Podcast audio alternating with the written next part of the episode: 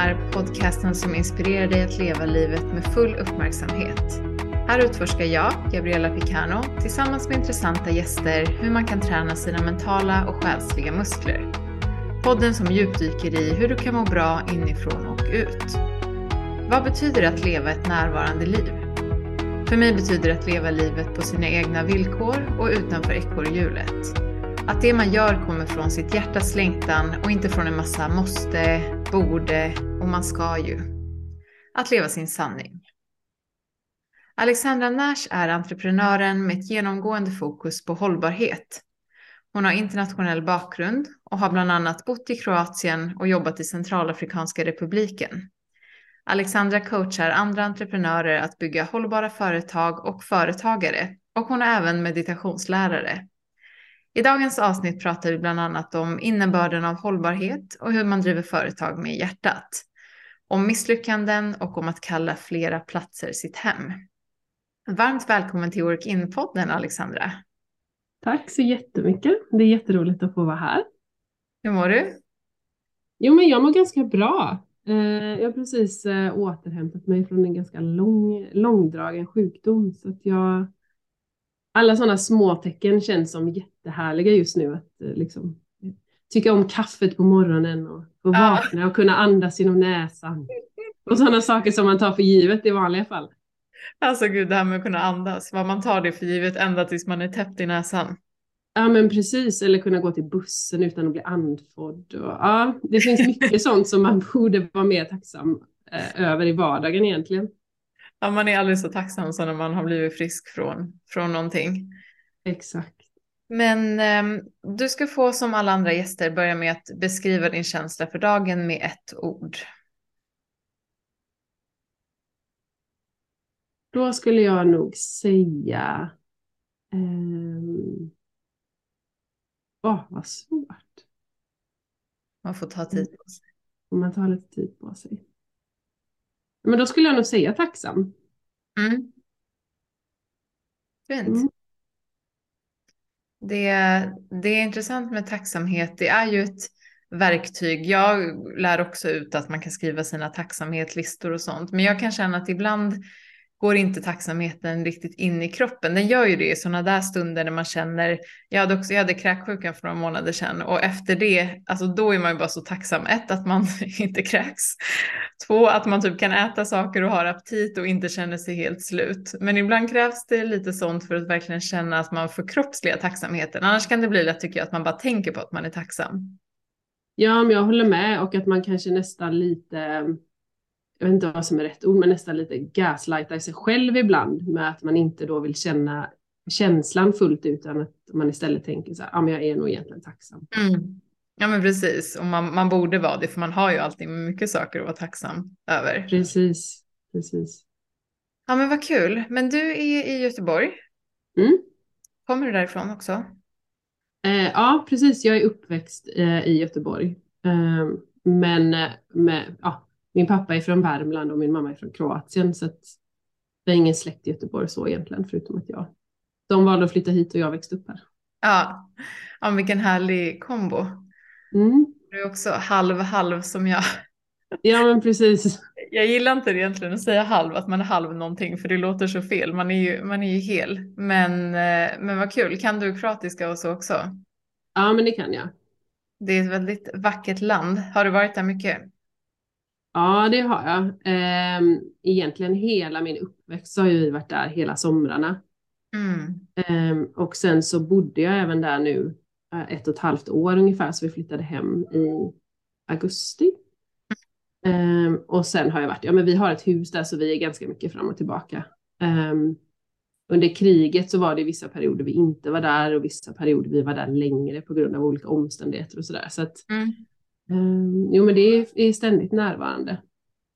Men sen är ju Nash, var kommer ditt efternamn ifrån? Det är ju från min man för att jag är gift. Um, och han är brittisk. Han är halvskotte och halvengelsk. Jaha, men gud vilken underbar På tal om halvor. Familjen ja, på tal om halvor. Så era barn, det är så här 25 procent. Ja men precis, alltså, och de blir ju då. Ja men precis, de blir ju då 25 procent svenska, 25 procent kroatiska. Och sen egentligen brittiska då kan Ja. man säga 50 procent. Precis, Bri- Ja. Storbritannier. Ja, Men, precis. så pratar de typ tre språk redan eller? Ja, men det gör de. Eh, väldigt duktiga är de på engelska. Eh, bättre än mig skulle jag vilja säga, vilket jag är sämst på engelska i familjen. Eh, vilket jag tycker är så roligt när man lär sig ett språk som inte är ens eget modersmål. När man hör ett barn prata bättre än Mm. vuxen så blir man ibland så här, men hur går det till? Och så Ja, jag så här, just det, ja, men barn växer upp med andra språk än vad man själv har gjort. ja det är fascinerande. Mm. Och sen så lärde de sig kroatiska nu när vi bodde där, för de gick i en kroatisk skola. Så att, eh, det är roligt för dem. Ja, coolt. Så vad pratar Mm. ni hemma? Vi pratar mest engelska hemma faktiskt. Eh, när jag är själv med barnen så pratar jag svenska. Ehm, men när vi är allihopa så pratar vi mycket engelska. Egentligen borde vi nog prata mer svenska för att min man ska bli ännu duktigare på svenska. Men ehm, det är lite så när man har lärt känna en person på ett språk så är det Mm. svårt att byta. Verkligen, det där har jag också tänkt på. Och hur man, jag har alltid pratat italienska med min pappa och svenska med mamma. Men vi har pratat italienska när vi har varit alla. Men typ, jag skulle aldrig kunna prata svenska med min pappa. Det känns så onaturligt. Det går liksom Ja, inte. men det blir, nej precis. Fast han kan det, alltså mamma kan italienska. Men det blir, ja, det, det är som du säger, man känner en person på ett visst språk. Och det blir, ja. Ja, men det är intressant de här kulturkrockarna tänkte jag säga. Vi kommer Ja, in men, mm. Men eh, hur började din, eller vad gör du egentligen? Idag kanske vi ska börja med. Vad, vad är din sysselsättning just nu? Men just nu, nu har jag ju precis, egentligen så har jag varit entreprenör mer eller mindre ända sedan jag började arbeta skulle jag vilja säga. Jag, jobb, jag hade ju småjobb och sådär som alla andra när man liksom växte upp och pluggade. Um, och sen så hade jag några år när jag jobbade i USA för att jag bodde där en längre tid. Men sen 2000, eh, vad kan det vara, eh, 10 så har jag väl egentligen varit entreprenör på olika sätt. Eh, och nu har jag precis haft en kortare anställning men gått tillbaka till att vara entreprenör då bara för någon vecka sedan. Mm. Eh, så att nu, ja det känns faktiskt väldigt härligt. Ehm, så nu fokuserar jag egentligen på att coacha och ehm, konsulta, men framförallt coacha och rådgöra eh, företagare med fokus på hållbara eh, företag. Eh, och då Eh, tycker jag det är viktigt med hållbarhet både utifrån ett, liksom ett eget perspektiv, alltså individen, men också mänskligheten och eh, planeten. Eh, och sen har jag en dröm att liksom starta en egen podcast och kanske hitta någon form av community där man kan samlas kring just den drivkraften att driva företag ut, ut, utifrån det. Men vad spännande. Jag är nyfiken på hur, hur började entreprenörsresan? Vad var det första, du, första företaget du startade eller hur kom du ens in på det? Ja, eh, jag växte ju upp, eh, så min mamma är tolk, så hon har alltid varit liksom frilansare och gjort sin egen, eh, sin egen grej. Eh, och min pappa startade ett bolag eh, när jag var liten. Ehm, och där så hjälpte jag till mycket, så väldigt tidigt så gjorde jag, jag översatte hemsidan till engelska och jag liksom fick ta lite engelska kunder och sådär, vilket känns så roligt nu, för nu går det ju, har man ett plugin på hemsidan, men jag vet att jag spenderade tre Mm. månader och översätta en hemsida. Ehm, och sen så tog jag över det familjeföretaget egentligen. Så det var väl det första som jag drev själv. Mm. Och det var ju också fokus på eh, hållbarhet egentligen. Vi utvecklade mjukvara och hårdvara för energiinsamling i fastigheter. Mhm. Mm. Det har alltid varit din inriktning. Vad sa du? Det har alltid varit din inriktning med hållbarhet. Ja, men det har det på något sätt. Ehm, mm, Ja, där, där kom nog den här eh, miljömässiga, man ska säga, hållbarheten. Och sen tror jag, att växa upp med liksom ett krig så nära så fick man den här eh, mänsklig, liksom en annan syn på något sätt på mänskligheten och hur vi människor kan hjälpa eller liksom hjälpa varandra på något sätt. Mm. Ehm, som man kanske inte hade fått om man hade växt upp lite mer i en traditionell, vanlig, vad det nu är, svensk Mm. eh, uppväxt. Nej, men det är klart. Hur påverkades ni? Hade ni mycket familj och släkt där under kriget eller? Ja, men det hade vi. Ehm, det hade vi mycket. eh, släkt. Nu bor ju, många fick ju fly eh, såklart då, så att nu har vi väldigt mycket släkt i Tyskland, bland annat de stannade kvar Mm. eh, där. Eh, men det hade vi, så under en period så var vi, vad kan vi ha varit, kanske elva stycken som bodde i vårt radhus här i Sverige. Oj, ja. Eh, för de kom till oss, då, min mormor och morfar och kusiner och sådär. Ehm, och så hade vi vårt hus där då som, som var tomt. Eh, och tomma hus var ju inte bra. Eh, så där var vi tvungna att hitta lösningar ehm, för att ha folk som bodde där. Mm. Ehm, så det, jo men det var jobbigt. Min mormor blev väldigt sjuk under kriget också när de hade åkt tillbaka sen. Ja, så vi var tvungna att åka ner och, och försöka ta tag i det. Så det Mm. Ja, det var en ganska speciell tid, eh, minst sagt.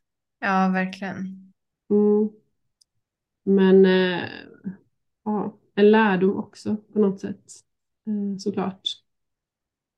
Eh, men man formas mycket när man, när man får se sånt när man är så pass ung. Jag var ju eh, nio, kanske Ja. nio, tio. Ja, så det var ju hela min och så upp till något 14-15 sådär. Ja, Det är ganska formbara år.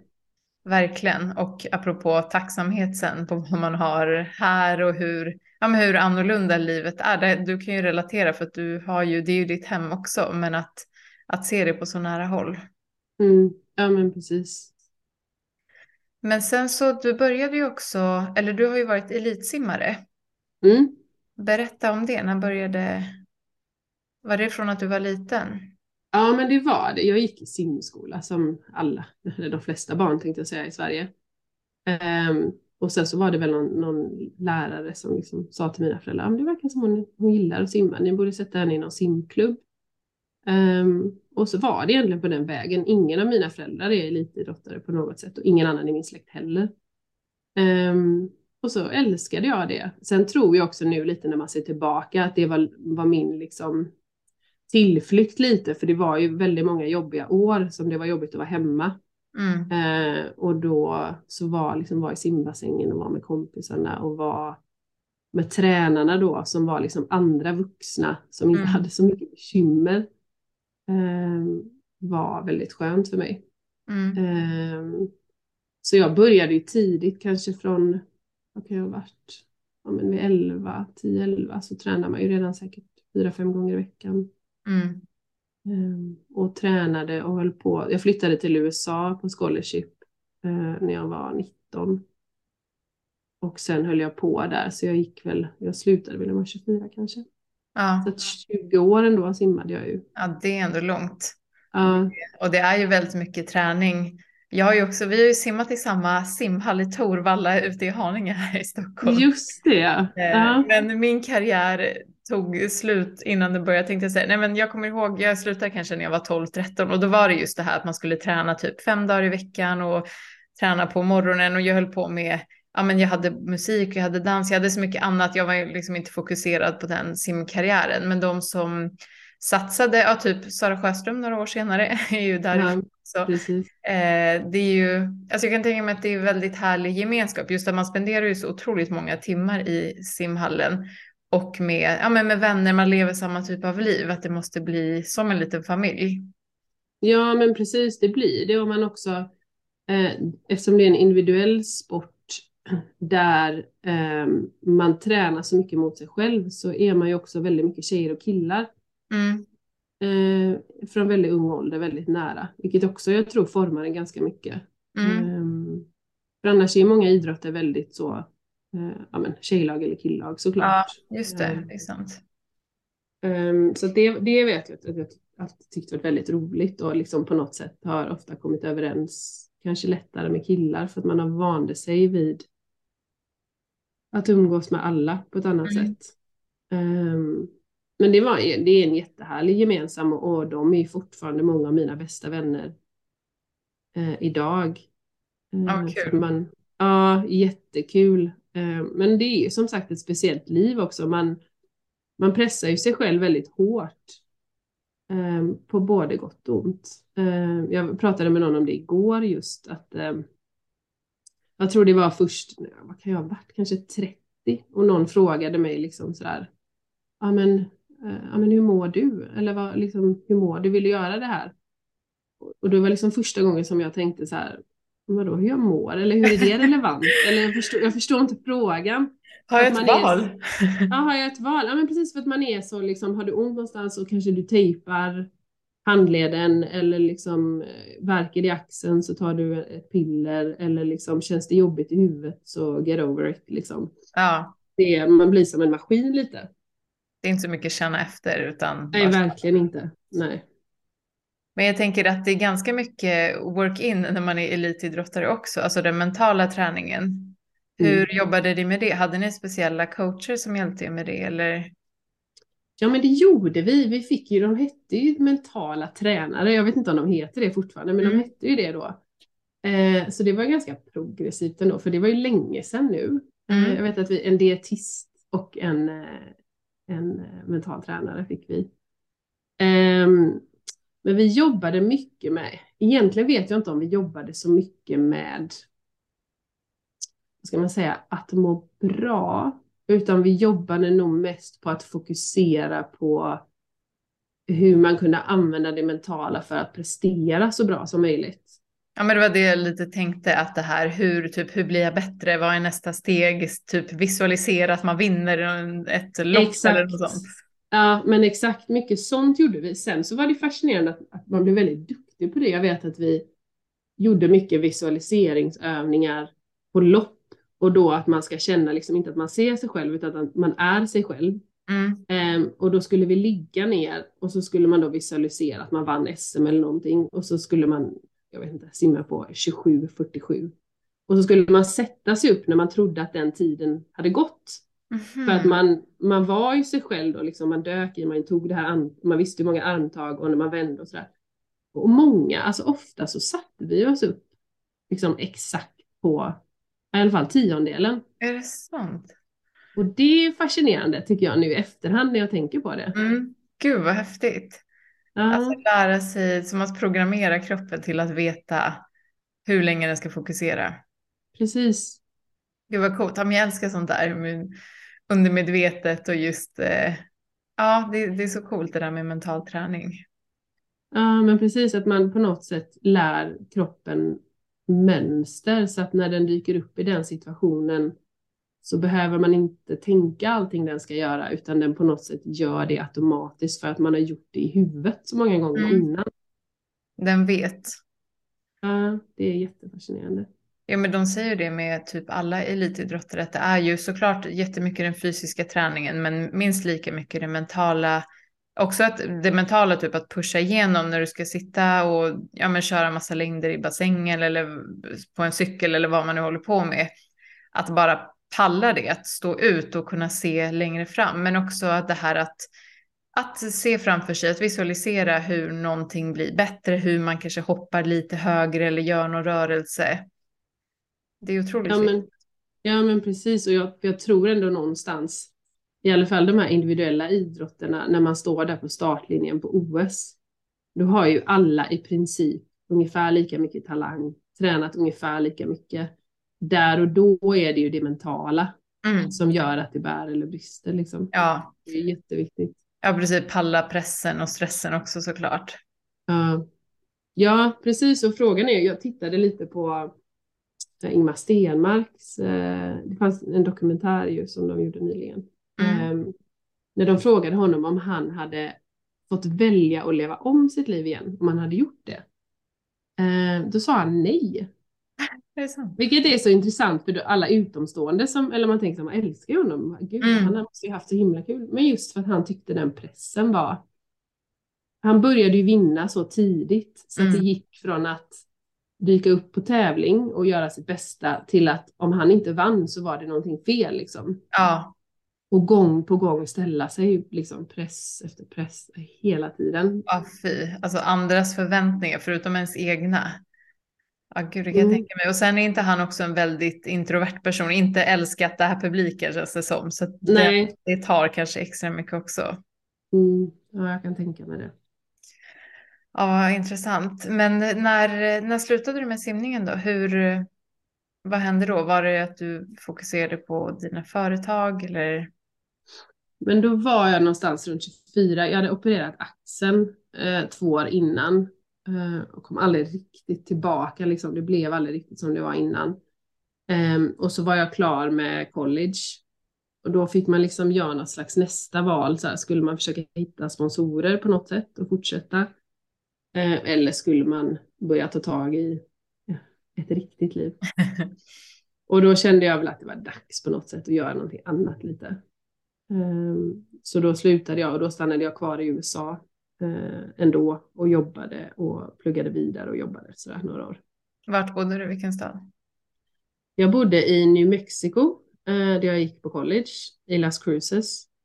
Och sen så bodde jag egentligen i Phoenix i Huntington Beach i Orange County eh, och i San Francisco. Mm. Hur var det att bo i USA då? Vad tyckte du om det? Men jag tyckte om det. Eh, jag gillar det spontana och jag gillar att det är liksom en idrottskultur. Sen så bodde jag ju på väldigt varma ställen. Det är inte fel. Nej, jag, jag tror att det, det gjorde väldigt mycket. Ja, och det här college-livet man alltid har sett ja. på amerikanska filmer. Ja. Är det så som man tror? Det verkar ju nice. Ja, ja, men det är exakt så skulle jag vilja säga. Det är liksom samma koppar och samma drinking games. ja, exakt som man ser i filmerna. Eh, men sen när man ska börja jobba och så där, då märkte man väl kanske att det var ja, men man har inte samma rättigheter och man har knappt någon semester och hela det. Då var det kanske inte riktigt lika härligt. Eh, men jag trivdes ändå ganska väl. Mm. Och var pluggade du då efter simningen? Eh, då läste jag en MBA sen, en master i business. Mm. Eh, och, och, hjälpte till med lite forskning, en professor i, i organisation och ledarskap. Mm, ja, vad kul. Och hur, kom, hur var steget sen till att starta ditt egna företag? Men då efter det så fick jag, eh, så när jag var i USA då jobbade jag inom shippingbranschen, eh, containerfartyg eh, och var ansvarig för våra mm, hamnar i Long Beach och i Oakland. Mm. Eh, men sen så det här var ju då 2008, 2009 och då kom ju finanskrisen så då var det riktigt tufft. Eh, då flyttades nästan alla shippingföretag flyttades till Phoenix från Kalifornien för att det var mycket billigare där. Eh, och då stängde, var jag med och stängde vårt kontor i San Francisco, vilket var en extremt jobbig eh, upplevelse. Jag var ju relativt ung mm. Eh, chef för så många människor. Ehm, och när man säger upp folk i USA är en helt annan, en helt annan grej. De förlorar ju sin liksom, för sjukförsäkring, eh, de, de har ingen uppsägningstid, de får gå på Nej. plan. Och, och deras någon... sin lilla kartong med saker. Ja men precis, och så åka ner med en security guard med hissen ner och sen kommer man aldrig tillbaka. Men gud vad hemskt. Ja och där alltså... någonstans så kände jag att jag, jag vill inte jobba i den kulturen. Så då flyttade jag hem och började hjälpa min pappa. Eh, och ett år senare ungefär så tog jag över det Ehm, och sen efter några år på den resan uh, så började jag få lite, liksom, få lite egna idéer. Um, så att vi sålde det bolaget 2017. Um, ehm, men 2015 så började jag få lite egna idéer så jag gjorde lite saker vid sidan, liksom vid sidan av, startade till bolag. Um, som vi började dra igång ja, fortfarande vid sidan av 2016, 2017 och sen så körde jag det fullt 2018. Var det de här vattenflaskorna? Ja, precis. Berätta, det är en jätteintressant story. Ja, ja men det var ju eh, så jag har två döttrar. Eh, min första föddes 2012 eh, och då i slutet på 2012 och då jobbade jag väldigt mycket när hon var liten och bebis och var den här traditionella, liksom, eller traditionella ska jag inte säga, skräckexemplet kanske det där. Man hade med henne på liksom, styrelsemöte. Det var helt vansinnigt. Så att när jag var gravid med min andra dotter då så hade jag som mål liksom att nej, men när, jag, när hon är bebis så ska jag ge mig själv tid eh, och faktiskt vara ledig och liksom, ja, men fundera på vad som är viktigt för mig. Eh, och då så köpte jag, innan hon föddes, så köpte jag en liten, så här, en liten kanin, ett litet gosedjur som jag döpte till Dreams. Så att jag skulle, när jag skulle se henne med den här liksom, kaninen så skulle det hela tiden påminna mig om att ja, men dina drömmar är också viktiga. Liksom, ja, fint. Ja, men det är jätteroligt för att sen, sen alltså om man spolar framåt kanske ett och ett halvt år så höll jag ett föredrag om det här för, om företaget som he, heter Yumi. Och efteråt så kom det upp en tjej till mig, eh, en japansk tjej, så sa hon, vet du att Yumi på japanska betyder dreams? Nej, är det sant? Jo, jo. och det var så här, oh. ja. Det var allt ja, det var verkligen. Gud vad fint. Uh, eh, nej men då under den här tiden så funderade jag väldigt mycket eh, och hade läst så mycket stories som så här, hon startade ett imperium hon var föräldraledig. Och jag vet att jag gick runt med min, ja, och jag vet att jag gick runt med min barnvagn och liksom tittade på allting och tänkte så här, alltså, var fasiken får de sina idéer ifrån? Jag var jättefrustrerad. Eh, och sen en dag så satt jag i bilen och så hade jag en vattenflaska som var gjord av glas med så här silikon eh, mm. runt. Eh, som man liksom skruvade upp med en kork Eh, och så var den för stor för att den skulle passa i den här bilhållaren liksom. Så jag spillde massa vatten för det går inte att köra bil och liksom skruva samtidigt. Eh, och så vet jag att jag blev jätteirriterad. Och så kom jag hem till min man och så hade jag också spenderat jättemycket pengar på den här flaskan för att den hade sagt ja men den är miljövänlig och med det ena och det andra. Jag hade också den, jag tror jag vet vilken det är. Ja, men... ja men de var ju väldigt fina och annorlunda. Mm. Eh, väldigt tunga. Men Um, och så gick jag hem och så var jag irriterad. Så sa jag till min man att uh, jag fattar inte hur de kan säga att de är miljövänliga. Liksom, det här är gjort av virgin glas och liksom, det här är silikon. Silikon kommer ju från olja liksom, från början. Och så betalade jag 50 dollar eller vad jag betalade för en vattenflaska. Um, och så sa jag, så hade jag sett någonting tidigare, så sa jag att man måste ju kunna göra en vattenflaska av någonting som är växtbaserat. Um, och så började jag googla egentligen. Eh, så fick jag den idén. Jag tänkte att man måste kunna göra en vattenflaska av ett annat material som inte är stål, glas eller plast. Mm. Eh, och då började vi googla och researcha och hittade massa olika material. Ehm, allt från potatisstärkelse till alger, bambu, vete, eh, sockerrör som vi till slut beslutade oss för då, sockerrör. Så då designade vi en flaska och så tog vi fram den första egentligen konsumentprodukten som gjordes av det här sockerrörsplasten som det ändå heter, men det är en bioplast. Mm. Eh, och då ville jag ju också ha med någonting när man eh, liksom gav pengar till någon typ av projekt. Eh, och har alltid, eh, ja, men som vi pratade om tidigare, älskat vatten såklart och vattenfrågan, liksom, både stort och smått. Eh, och vi ville ju och tänkte också en vattenflaska, det är ju bra, man kanske bidrar med rent vatten, att det liksom eh, funkade bra ihop. Eh, och då ville vi egentligen, vi ville hjälpa till i ett land där det inte var jättemånga som redan var. Ehm, och vi ville stödja en organisation som var med och stärkte befolkningen där för att befolkningen själva sen skulle liksom kunna ta över Eh, projekten. Ehm, och då hittade vi den här organisationen då som heter Water for Good som jobbar i Centralafrikanska republiken som är egentligen ett av världens fattigaste länder. Ehm, så att för varje vattenflaska som vi sålde eh, så gav vi motsvarande sex månaders rent vatten till en person i Centralafrikanska republiken. Um, mm, och sen så sålde vi när vi, så, vi sålde en hel del till företag och då gjorde vi större projekt och fick de vara med och gräva en, en, en ny brunn då. Mm. Um, som kunde uh, bidra till rent vatten. Så så hamnade jag där egentligen. Uh, och sen drev jag det bolaget i, vi sålde det 2020. Så vi hade det i fem år ungefär. Vilken bra idé och det, det blev ett imperium under mammaledigheter alltså. Ja, eller imperium kanske, ja det beror på hur man definierar imperium. Men det blev något i alla fall. Det blev någonting som ändå gav mycket gott.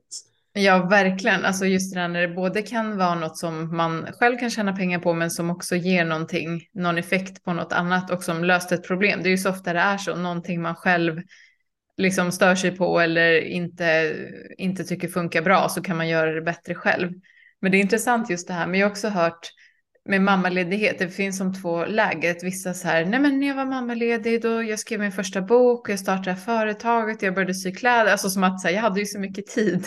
Mm. Och sen de som så här, nej men jag har inte ens gått på toaletten själv på tre år typ. Nej. Det, verkar, det jag förstår att det beror på vad man får för typ av barn kanske och vad man har för annan support runt omkring sig. Men, eh, men det är så intressant vad man har för olika, det är lätt att jämföra sig med andra. Ja, ja men verkligen, visst är det så. Och jag tror att man, eh, jag tror det handlar mycket om intressen också. Eh, för en fördel med att vara mammaledig är ju att det är första gången ofta i vuxen ålder som man faktiskt har så tid, ja, precis som du säger, man har ju ett barn att ta hand om hela tiden, men i alla fall inte det här ekorrhjuls Nej, man är inte fast på ett kontor man, nej. timmar.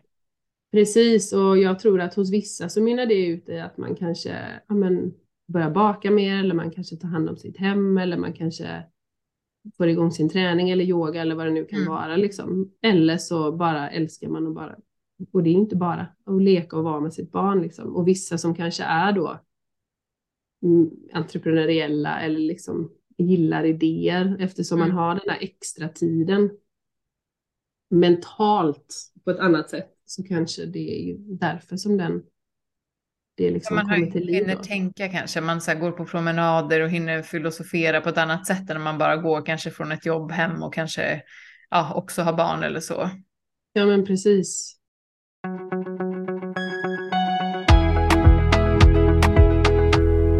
Work-in-podden presenteras i samarbete med Pureness jag har valt att samarbeta med Pureness för att det är min personliga favorit när det kommer till kosttillskott. Jag vet att de bara jobbar med de bästa producenterna och de renaste näringsämnena och att hälsa för dem, precis som för mig, betyder hälsa inifrån och ut. Pureness skördar många av ingredienserna till sina produkter i de nordiska skogarna och de garanterar kvaliteten genom tester både i sina egna laboratorier och i oberoende labb så att du ska veta att du får de renaste produkterna med bäst näringsämnen. Om du vill handla Pureness produkter så har jag en rabattkod, så WorkIn20 ger dig 20% rabatt på ett köp på Pureness hemsida. Alltså WorkIn20 med stora bokstäver på pureness.se. Tack Pureness!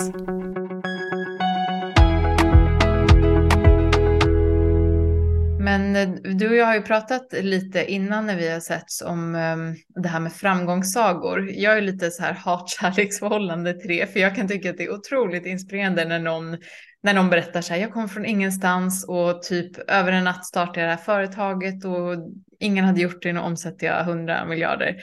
Ehm, samtidigt som det, det triggar mig något enormt, för man, jag tycker om att höra, man fattar ju att det inte skedde så fort.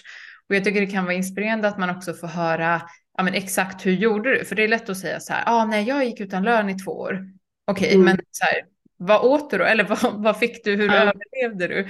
Eller typ att um, det, ja, men att det förmodligen på den vägen fanns jättemånga utmaningar som det gör för alla. Det är ju sällan det är bara en spikrak väg. Vad är din relation till framgångssagor? Ja, men visst är det så och jag kan verkligen hålla med om det. Eh, för jag tycker en relevant fråga är ju ofta, och som man kan ställa är ju, men, ja, men vad fick du säga nej till? Mm. För att komma dit. Ja, det är ju bra. För jag menar, det var ju jättemycket såklart som mm. jag fått säga nej till. Eh, det här tog ju upp all min eh, lediga tid, så att jag gjorde ju inte mycket av det här andra. Gick på, just under föräldraledigheten, var liksom på på öppna förskolor eller liksom bakade cupcakes eller hade playdates eller vad det nu liksom kunde vara. Mm. Eh, sen rent ekonomiskt så är det ju jättesvårt i början. Eh, och hela processen eh, när vi liksom, det tog ju ett år ungefär från idé till att vi hade en färdig produkt.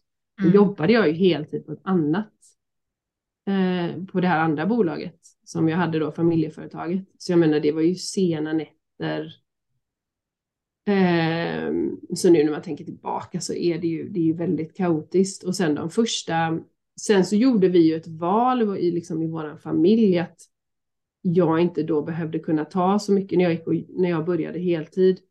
Att jag inte behövde ta så mycket lön. Eh, och då levde vi framförallt på min mans lön. Eh, och då låter det som att han skulle vara någon eh, vd för något stort bolag. Det är han verkligen inte, han är snickare. Eh, men då gjorde vi, hade vi gjort ett val liksom tidigare. Vi har alltid gjort så att vi värderar liksom upplevelser och kreativitet och möjlighet att, att få följa sina drömmar mer än att binda pengar i saker. Mm. Vilket gör liksom, det är ofta så, um, ja men det ena ger det andra. Så vi hade köpt ett hus som var relativt billigt, som inte kostade så mycket. Uh, vi valde att inte göra massa renoveringar, alltså mm. så att vårat dagliga liv var väldigt billigt jämfört med många kompisar. Uh, men då är det, vi har haft samma bil i tolv år liksom, mm. alltså det är ja, mycket sånt. Uh, vi åkte ju på semester till Kroatien, men det var ju vårat hus som mm. var där. Liksom. Um, så där är det ju klart att man har gjort, man gör man säger ju nej till väldigt mycket genom ja. att säga ja till annat. Ja men det är viktigt att lyfta och sen är det inte att ena är bättre än, än Nej, det andra. verkligen inte. Jag håller med dig. Jag är så här, jag kan leva med Ikea-möbler resten av livet. Låt mig, låt mig investera pengar i, min, liksom i mitt jobb, i utveckling, i upplevelser och resor. Medan någon annan kanske verkligen vill ha en soffa som kostar 50 000 och det liksom, då är det det man, då värdesätter man den upplevelsen. Men jag tror att det är viktigt att veta vad man, vad man själv vill, vad som betyder någonting och som du säger att man måste uppoffra vissa saker. Sen förstår jag att så här, om, någon frågar ah, hur, hur har du gjort det här, hur startar du det här företaget så berättar man ju mer så här kronologiskt. Men det är intressant alltid att höra också vad som var vad som var svårt eller hur man rent tekniskt gjorde. För jag tror att det inspirerar folk mer än att det här bara, så alla kan, du behöver bara våga och kasta dig ut. Det kan vara inspirerande på ett sätt, apropå mental träning och sånt. Men det är inspirerande att höra att det var jättekämpigt. Det gick upp, så gick det ner, så gick det upp, så gick det ner igen, så gick det ner jättemycket, så gick det upp. Det är ofta så det ser ut. Ja, men precis. Och att det är lätt att man får den här bilden, du vet, så här, som man ofta säger, self-made millionaire, self-made mm. this and that. Men jag menar precis som jag tror du nämnde, eh, min mamma och pappa bodde ju nära, så de hjälpte jättemycket. Att vi hade ett hus i Kroatien som gjorde att vi ändå kunde åka på semestrar, det är ju ingenting som jag har bidragit till, det har jag ju bara mm. fötts, fötts in, in i. Liksom. Ja. Eh, vi behövde ett ganska stort startkapital, eh, för det är ju jättedyrt att producera de här stålverktygen som vi var tvungna att producera för att sen kunna göra de här vattenflaskorna. Mm. Um, och då hade vi ju vänner och familj som investerade um, i, i, liksom i början. Och det är också, det är inte alla som har det. Nej. Så jag menar, det finns ju massa saker som man har kanske som, eh, vad ska man säga, som en fördel som man inte tänker på eftersom man, man bara har levt sitt eget liv. Ja. Um, så där hade vi ju jättemycket, jättemycket hjälp. Eh, och sen tur också såklart. Ehm, det är ju alltid en liten del av det också. Vi, eh, de här stålverktygen som vi köpte, vi beställde, vi producerade ju allting i Sverige för att det var viktigt för oss just för hållbarheten. Men verktygen var ju för dyra för att tillverka i Sverige så vi gjorde ett i Polen och ett i Kina. Eh, men det här i Kina, det betalade vi ju upfront liksom. Eh, och sen så var det åtta veckor på en båt och jag menar, det hade ju lätt inte kunnat dyka upp. Det var ju så dumt så det är ju helt galet nu i efterhand. Jag vet inte vad vi tänkte. Nej, det är bra att man, eh, man måste ju våga och man måste ju ta risker. Det går ju inte annars. Nej, men, äh, men precis. Så det har ju varit mycket sånt. Äh, men det jag skulle vilja säga är att, det, ja, men att man verkligen äh,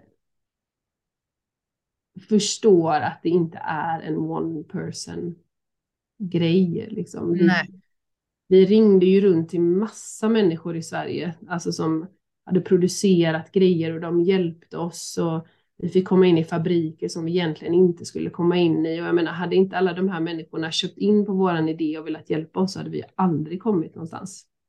Nej, och jag tror det är så viktigt tips när man startar företag, för ni hade ju aldrig gjort det här innan, att, att Nej. bara tänka att man kan fråga. Ju mer man frågar folk så har man så många som förmodligen vill hjälpa till eller någon känner någon som känner någon och den kompetensen man inte har finns där ute. Man måste också våga ta hjälp, så även om man känner att nej, men jag är helt själv, jag har ingen familj, jag har inga vänner som håller på med det här, men det finns ofta om man bara vågar fråga också. Ja, precis. Och de flesta vill ju hjälpa till och de flesta blir smickrade av att någon frågar. Mm. Ehm, Så det tycker jag absolut att man ska ta, ta tillvara på.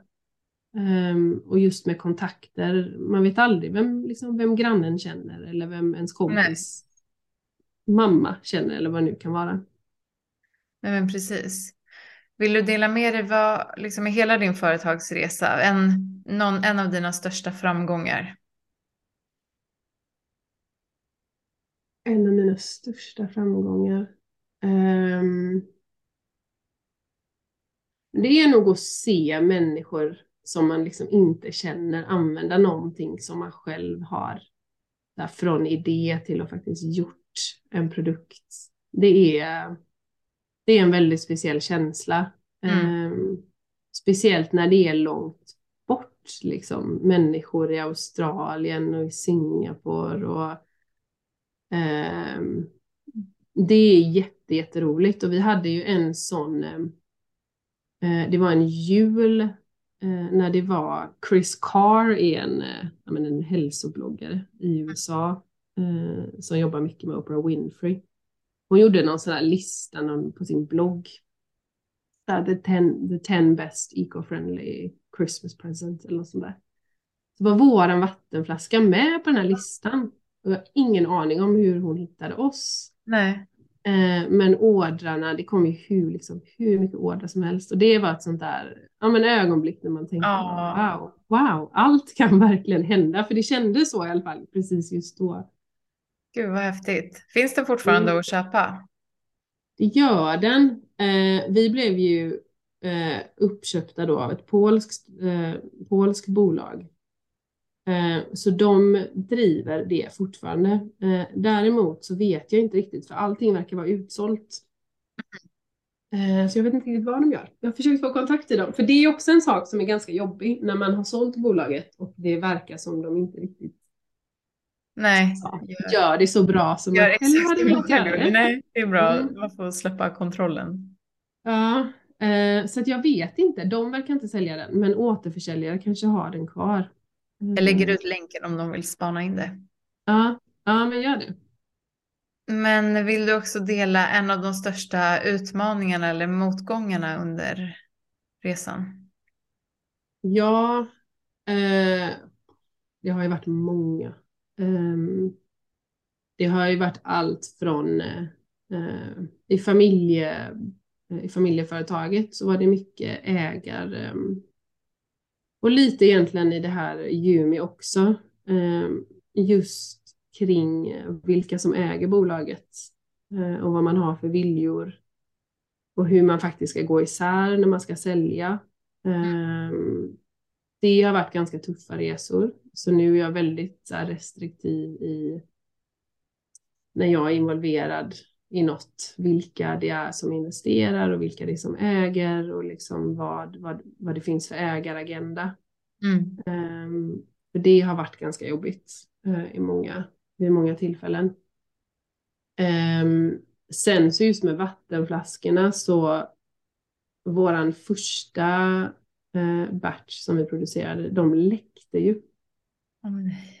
Eh, och det är ju liksom no-no i vatten, alltså en vattenflaska. Alla vattenflaskor, det kan vara intressant för din eh, information, alla vattenflaskor läcker lite Mm. på olika sätt för att det i princip är omöjligt att få en sån konstruktion med så mycket packningar 100,0 procent tätt.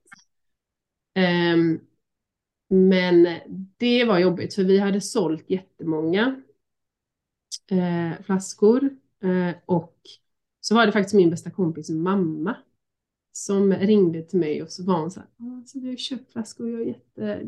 Hon tyckte väl det var pinsamt men liksom Ja. God bless her för att hon verkligen sa någonting. Så det alltså, uppmanar ju verkligen att ge feedback.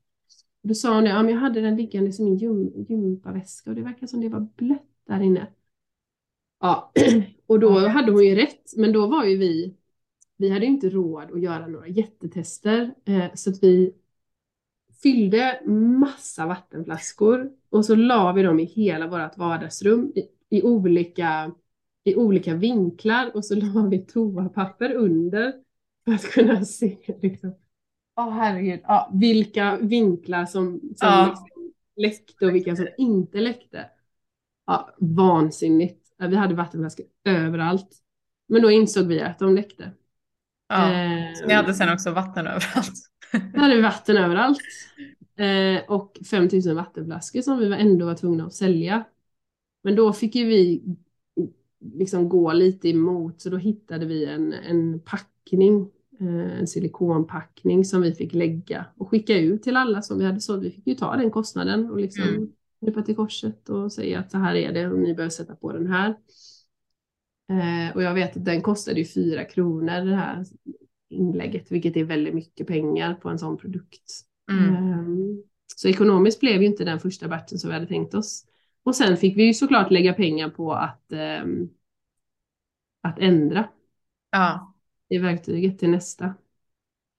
Uh, så det var lite jobbigt. Just det är ju jobbigt som entreprenör tycker jag generellt det här med att man blir det är lätt att ta allting personligt. Liksom. Mm. Att om en kurs inte blir bra så är det jag som inte är bra. Eller om en vattenflaska läcker, det är det jag som inte är bra. Mm. Eh, eller att man får en dålig review på någonting, det är någon som inte gillar ens podcast eller vad det är, så, så är det hela tiden jag. Mm. Eh, det är svårt att separera. Det är svårt att separera, ja. Eh, jag tycker att jag försöker bli bättre och bättre, men det är fortfarande jättesvårt. Mm. Ja, att det är så många lärdomar, kanske speciellt om man har produkter också som kommer den hårda vägen. Man måste testa Alltså det är sådär typ en kund upptäcker någonting. Det går inte att göra på något annat sätt. Nej. Nej, precis.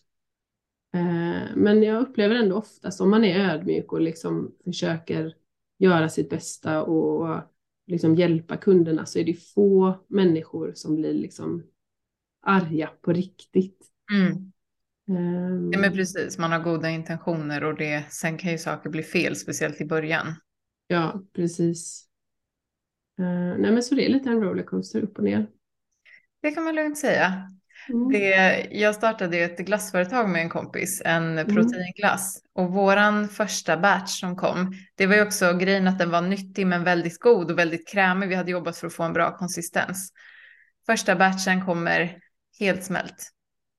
Och du vet glass när den blir omfryst, den blir inte jättegod. Is, och så här, ingen kunde ta på sig ansvar. Var det producenten, var det leverantören, var det butiken som hade låtit dem stå ute? Det var ju bara så här, ja det är bara att slänga och göra om. Och den första känns ju extra viktigt att det måste vara bra, för det är liksom bra, första ja. intrycket. Så um, man bara, nej, men då slänger vi dem då. Det är som om... Så ni, ni fick slänga allt? Ja, vad gör de? Mm.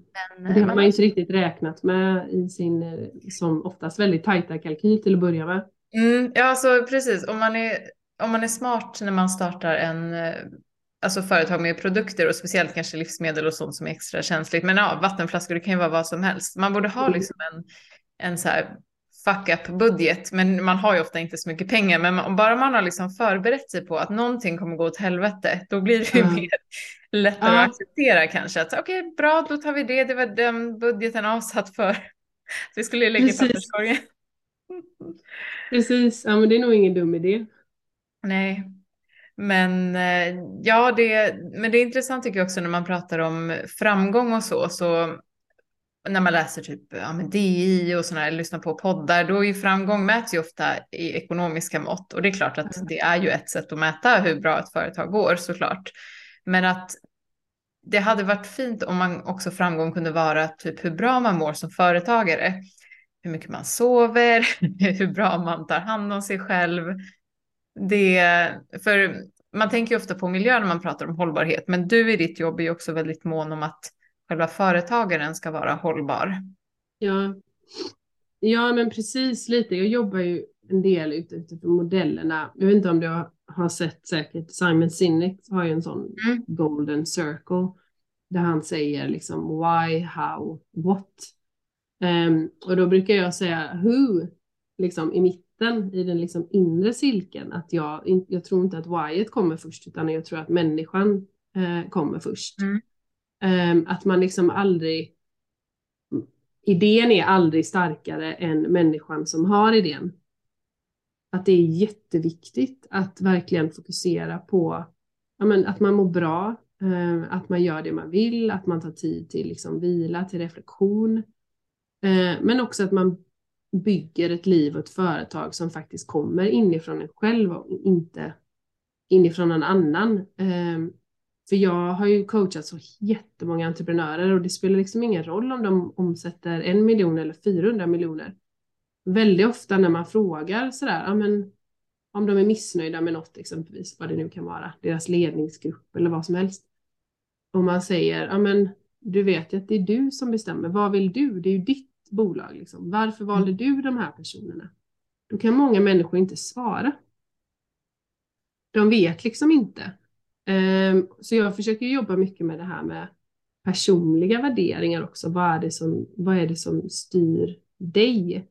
För det, det jobbar man ju mycket med i företagsvärlden, så här, man ska ha en mission och vision och så ska man ha liksom tre värderingar.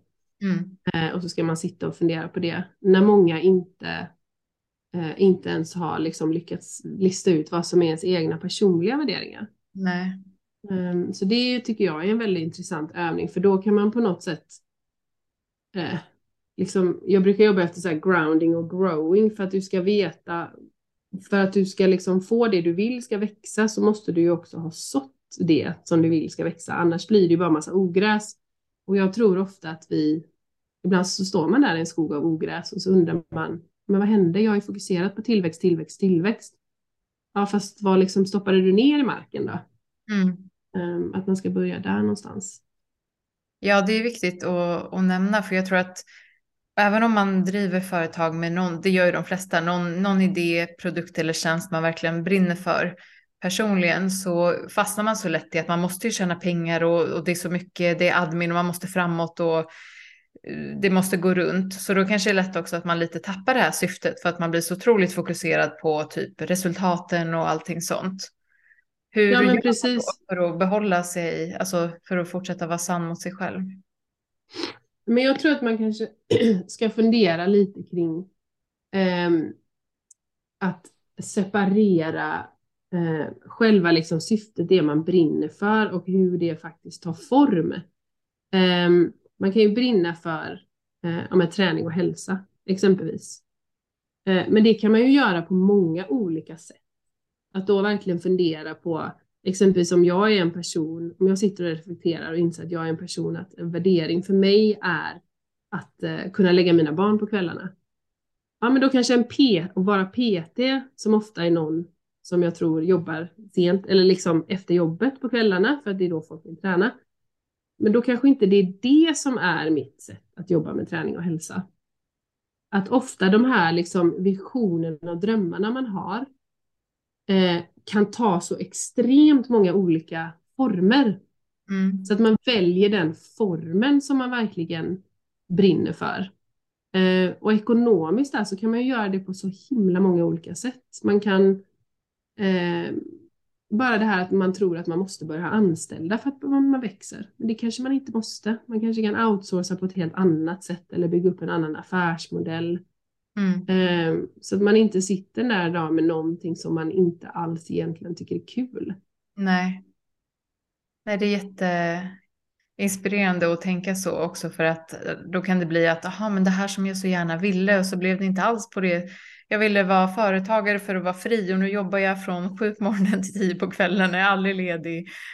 Eh, det, ja, sen kan det ju vara så i perioder, men jag tror det är viktigt att komma ihåg att man kan göra det på olika sätt. Ja men precis också lite det här jättesvåra liksom what's enough. Mm. Det, det som jag vill ska växa, varför vill jag att det ska växa? Och vad ska jag använda det till sen? Mm. Eh, tror jag också är en jätteviktig eh, tanke liksom. För ibland så är det bättre att, att, bara gräva djupare än att hela tiden gräva bredare liksom. Ja. Är du själv bra på det då? Ta hand om dig och hitta hållbarhet? Jag försöker. Um, och där har ju meditation hjälpt mig väldigt, uh, väldigt, väldigt mycket. Mm. Uh, och jag försöker också promenera, uh, skriva mycket. Men det är klart att jag som alla andra fastnar i, speciellt om det är något, jag, min svårighet är ju att om det är liksom projekt där man där man kan tjäna pengar på saker. Eller liksom, då blir det lätt att man bara, ah, men det måste jag göra, det måste jag göra. Och så låter man hela tiden pengarna styra.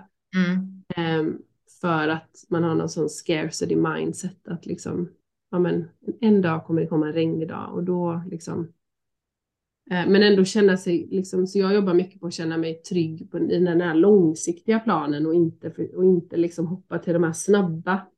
Nej. Uh, puckarna och kickarna liksom som kommer på vägen och försöka hålla fokus.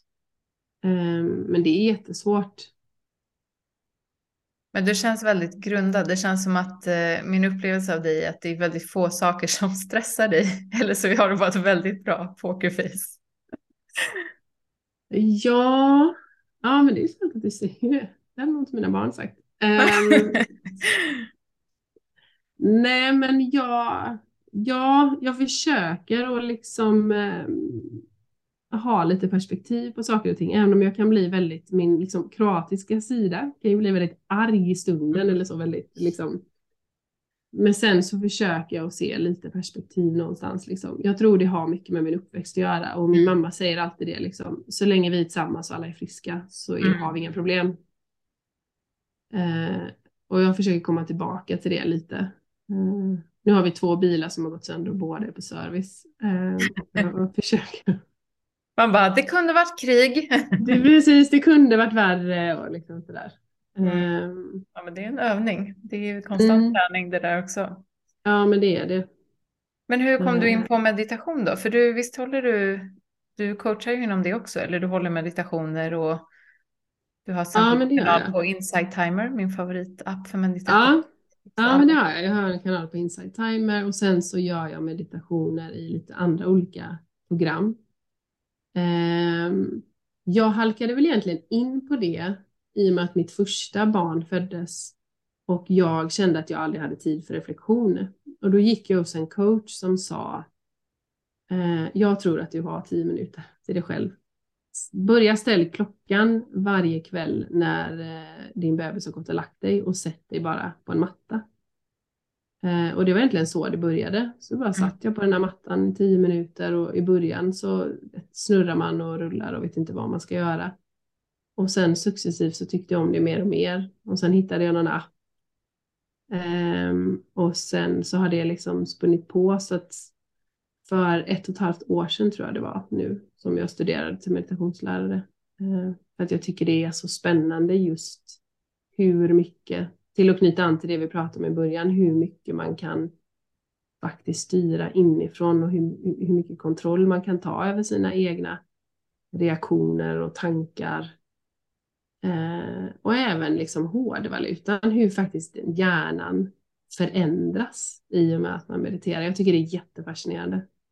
Det är jättehäftigt, just som du säger att vi har så mycket kraft och makt själva, även om saker omkring oss kan hända och så, men det finns ändå så mycket vi kan påverka själva. Precis. Vad, har du något tips till de som vill börja meditera? Ja, um, jag tänker oftast att kontinuitet är ju bättre än att ha liksom grandiosa mål. Så kan man försöka alla är ju lite olika, men om det är månader eller om det är kvällar eller om det är på lunchen, att försöka sätta en påminnelse kanske tre dagar i veckan och börja med en app, en guidad app eh, och kanske ta de här kortare. Det finns ju meditationer som är ja, men två till fyra minuter bara. Eh, så skulle jag ändå vilja ja, men ge en liten challenge och testa det i två veckor och se och se vad det faktiskt eh, ger.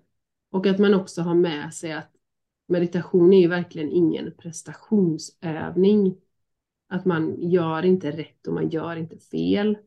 Och även de som har mediterat jättelänge, de får fortfarande tankar. Så det handlar inte om att kunna sätta sig och inte tänka en tanke, utan att man bara övar på att låta tankarna komma in och sen släppa dem. Mm. Um, så det skulle väl vara några, mina tips. Alla kan meditera. Mm.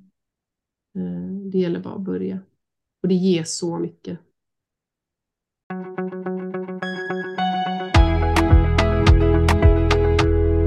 Jag tänkte för att knyta tillbaka till um, när vi pratade i början, du nämnde att du bodde i USA, det är väldigt olika arbetskultur och sådär och du har ju bott i flera olika länder. Det, för jag kan tänka ibland i Sverige så är det, det är väldigt hållbart på det sättet om man till exempel är anställd, vi har semester, det, de flesta företag är ändå väldigt noga med om man jobbar övertid, får man betalt, det är ganska sunt skulle jag ändå säga om man jämför med många andra länder, mammaledighet, pappaledighet, allt sånt. Eh, mm. Samtidigt som det tycker jag ibland kan kännas som att det fortfarande, i alla fall de större städerna, är lite coolt med den här hustle-kulturen och jobba jättemycket. Det är ändå lite fascinerande att man ska jobba så hårt och man ska kämpa. Jag tycker det finns något dubbelt i det. Eh, hur upplever du det i Sverige? Jo, men det, eh, det tycker jag också. Ehm, jag ehm, det är bara min personliga uppfattning lite, men eftersom eh, arbetsgivarna har, ehm, ja, men har ganska strikta regler och sådär hur de, hur de får agera i Sverige, så känns det som att vi människor ofta då lämnar över ansvaret på dem. Liksom. Eh, och då gör vi så som de, som de säger, eh, vilket gör att man inte riktigt lyssnar eh, på sig själv. Sen så tror jag också att det är lite en kombination. Ehm, om man tar som kvinna exempelvis. Nu har jag bott i lite mer sydeuropeiska länder också. Uh, och där upplever jag att det är mycket vanligare. Exempelvis att uh, barnen har aktiviteter efter skolan som de åker till direkt från skolan de, när det är barnkalas så lejar man ut det. Man har någon, någon som kommer och underhåller barnen och någon som gör en tårta och någon som, där är kvinnorna ofta så här, nej gud det skulle jag aldrig göra. Mm -hmm. Medan i Sverige så är det lite, just för kvinnor i alla fall, att man jobbar eh, och ska vara eh, liksom en duktig flicka där, men man ska också vara en mamma som alltid är närvarande man ska träna, man ska liksom laga cupcakes, man ska liksom inte outsourca någonting utan man ska klara allting själv. Mm. Eh, och så ska det vara jämställt med mannen hemma om man har en sån också. Eh, så då ska man gärna byta däck på bilen kanske också om man nu liksom. Alltså det blir väldigt mycket mm. på, alla, på alla punkter. Eh, det upplever jag väldigt mycket i Sverige jämfört med i andra länder, även i USA så outsourcar man ju massa grejer. Mm. Eh, och jag menar det kan ju ha mycket med att göra att i Sverige så är allting, allting kostar ungefär lika mycket. Mm. Eh, vilket i andra länder så är det ju inte riktigt så att du kan outsourca någon alltså till ett billigare peng såklart. Ja. Eh, nej men så jag håller, eh, jag håller nog med dig där. Det är kanske därför vi är så utmattade trots alla våra goda arbetsvillkor. För som du säger, jag tror det. Jag tror säkert att det är som du säger, det är mycket dyrare här med vissa typer av tjänster och så. Men jag tror också att det finns något lite fint i att göra saker själv och lite skam att så här, jaha, har du en mm. barnflicka? Nej, men jag vet inte. Ja, men precis. Har du nu en barnflicka som hämtar dina barn? Ja, till och med att vissa Ja, eller att någon inte vill säga att de har någon som städar hemma hos dem. För att det skulle vara någonting för, liksom. Um, men uh, vad tror du att företag behöver göra? Eller företag, eller individer för att till exempel vi har ju så mycket stress och utmattning. Sen behöver ju inte utmattning alltid bero på att man har jobbat väldigt mycket. Det kan vara annan typ av stress. Men tror du att det finns något som vi skulle generellt behöva bli bättre på? I arbetslivet tänker jag. Uh, alltså, i, det kan ju låta lite klyschigt kanske, men jag tror att alla på ett det här kan ju misstolkas om det tas ut liksom ur kontext, men jag tror att många individer eh, behöver ta lite mer ansvar för sig själva eh, och att man behöver ta sig tid till eh, faktiskt reflektion och fundera efter vad man verkligen vill göra. Att jag upplever på många arbetsplatser så eh, kanske företaget försöker och de liksom ja, men de har friskvård och de tar in någon som kör yoga och de gör det ena med det andra. Och sen så pratar med de anställda och så kanske de säger, ah, jag hatar mitt jobb. Eh, men då är man så här, men om du hatar ditt jobb, då spelar det ingen roll hur mycket yoga du får göra. Vad, vill, vad är det du vill göra då? Att det är liksom... Eh, det känns som vi har hamnat lite där, för Sverige har kommit väldigt långt sen, så det är klart att det finns liksom tox, alltså kulturer och det finns dåliga ledare och så. Men om man kommer, kollar generellt så har ju Sverige kommit ganska långt med liksom friskvårdspoäng och det finns liksom eh, färsk frukt i fikarummet och mm. många försöker att inte jobba övertid, även om det är såklart i olika branscher. Um, men jag hade ju gärna sett ett samhälle där, men, där vi människor började lägga lite mer tid på reflektion mm. um, och förstod då vad våra handlingar har lite för konsekvenser. Att man, eh, jag pratade med en granne häromdagen som då inte tycker om sitt jobb. Men nu ska renovera sitt hus eh, för en massa pengar. Eh, och då sa jag det, men om du inte gillar ditt jobb, förstår du nu då att om du ska renovera huset så kommer det kosta massa pengar. Då kommer du få jobba ännu mer på jobbet som du inte tycker om. Mm. Att man kanske inte skulle renoverat huset. Hade man haft lite mer tid nu är det inte för att jag ska hänga ut någon, men hade man haft lite mer tid så kanske man hade då kunnat fundera på liksom, vad det är man saknar i livet. Ett renoverat hus kommer nog inte lösa problemet, utan istället för att renovera huset för två miljoner kanske jag hade haft tid och, och råd att gå ner i tid lite mm. på mitt arbete eh, och lägga tid på någonting annat. Um, så lite öppna sinnet, för i Sverige är vi ju väldigt inrutade. Men man jobbar till 8 till 5, man gör detta, mm. barnen går på dagis, man köper en lägenhet och sen köper man ett hus. Och först är man ihop med någon, sen förlovar man sig, så gifter man sig. Alltså det är väldigt här.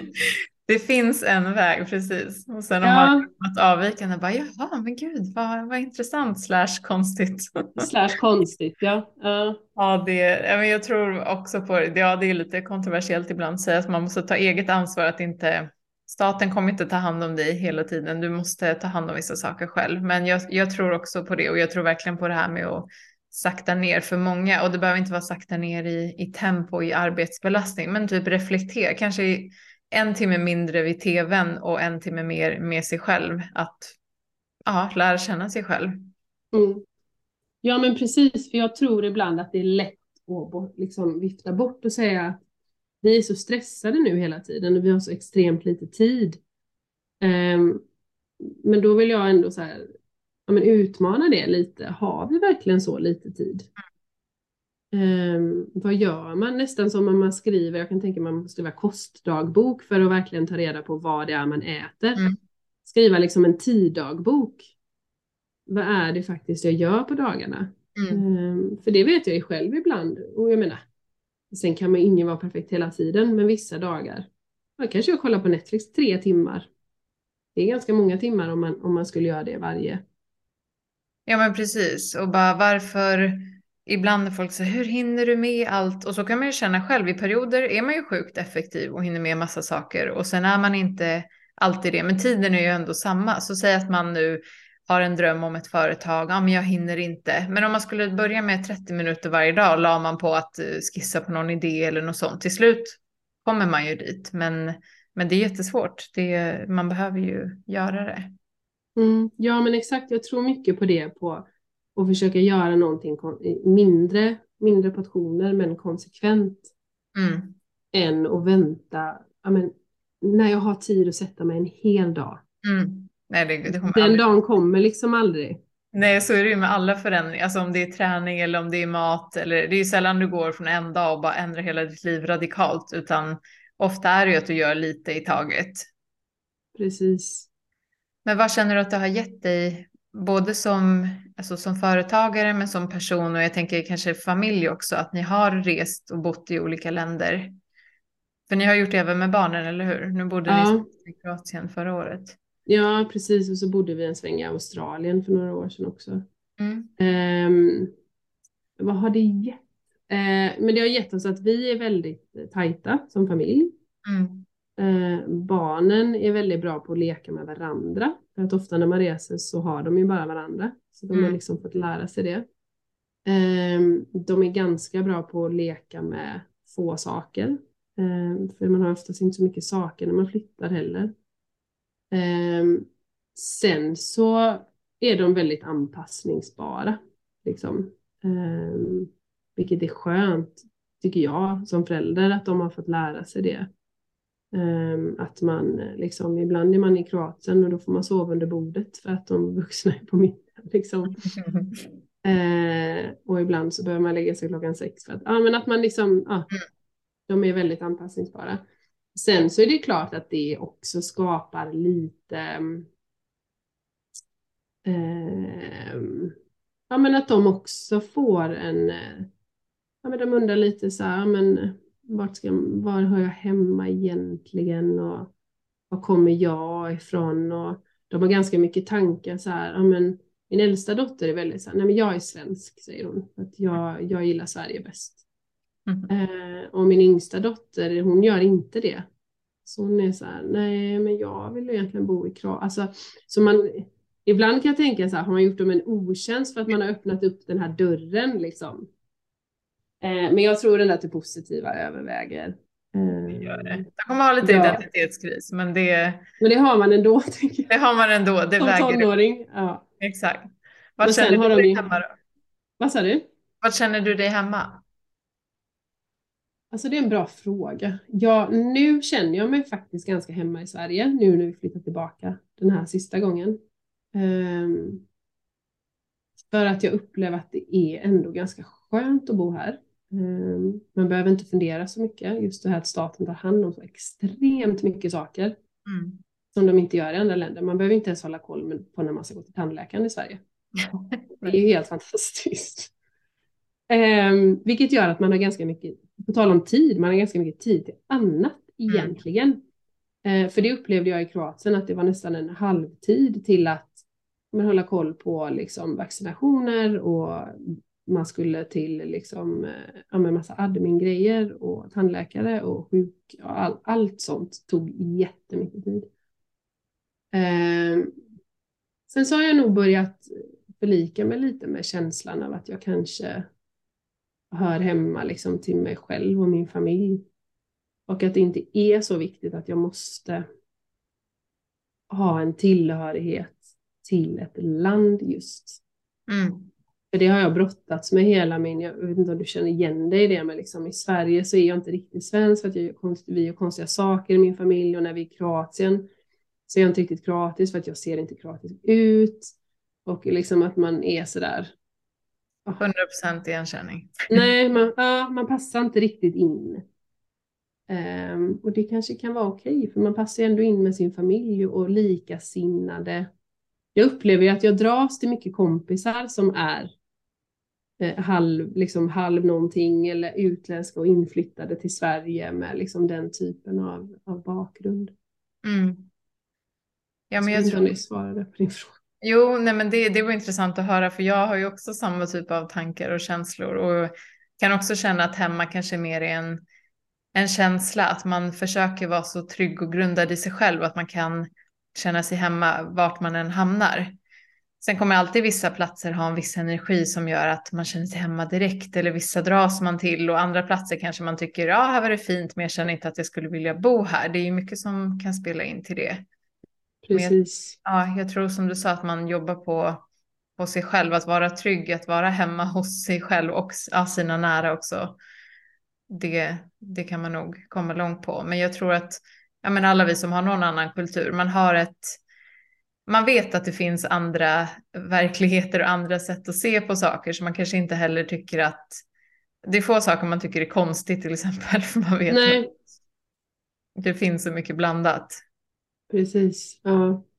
Och jag tror ändå att det är en nyttig, nyttig egenskap ifall vi alla, om man ändå har någon slags vision om att vi alla människor ska leva tillsammans och vara, liksom, vara snälla mot varandra så tror jag att det är ganska viktigt att ha det perspektivet.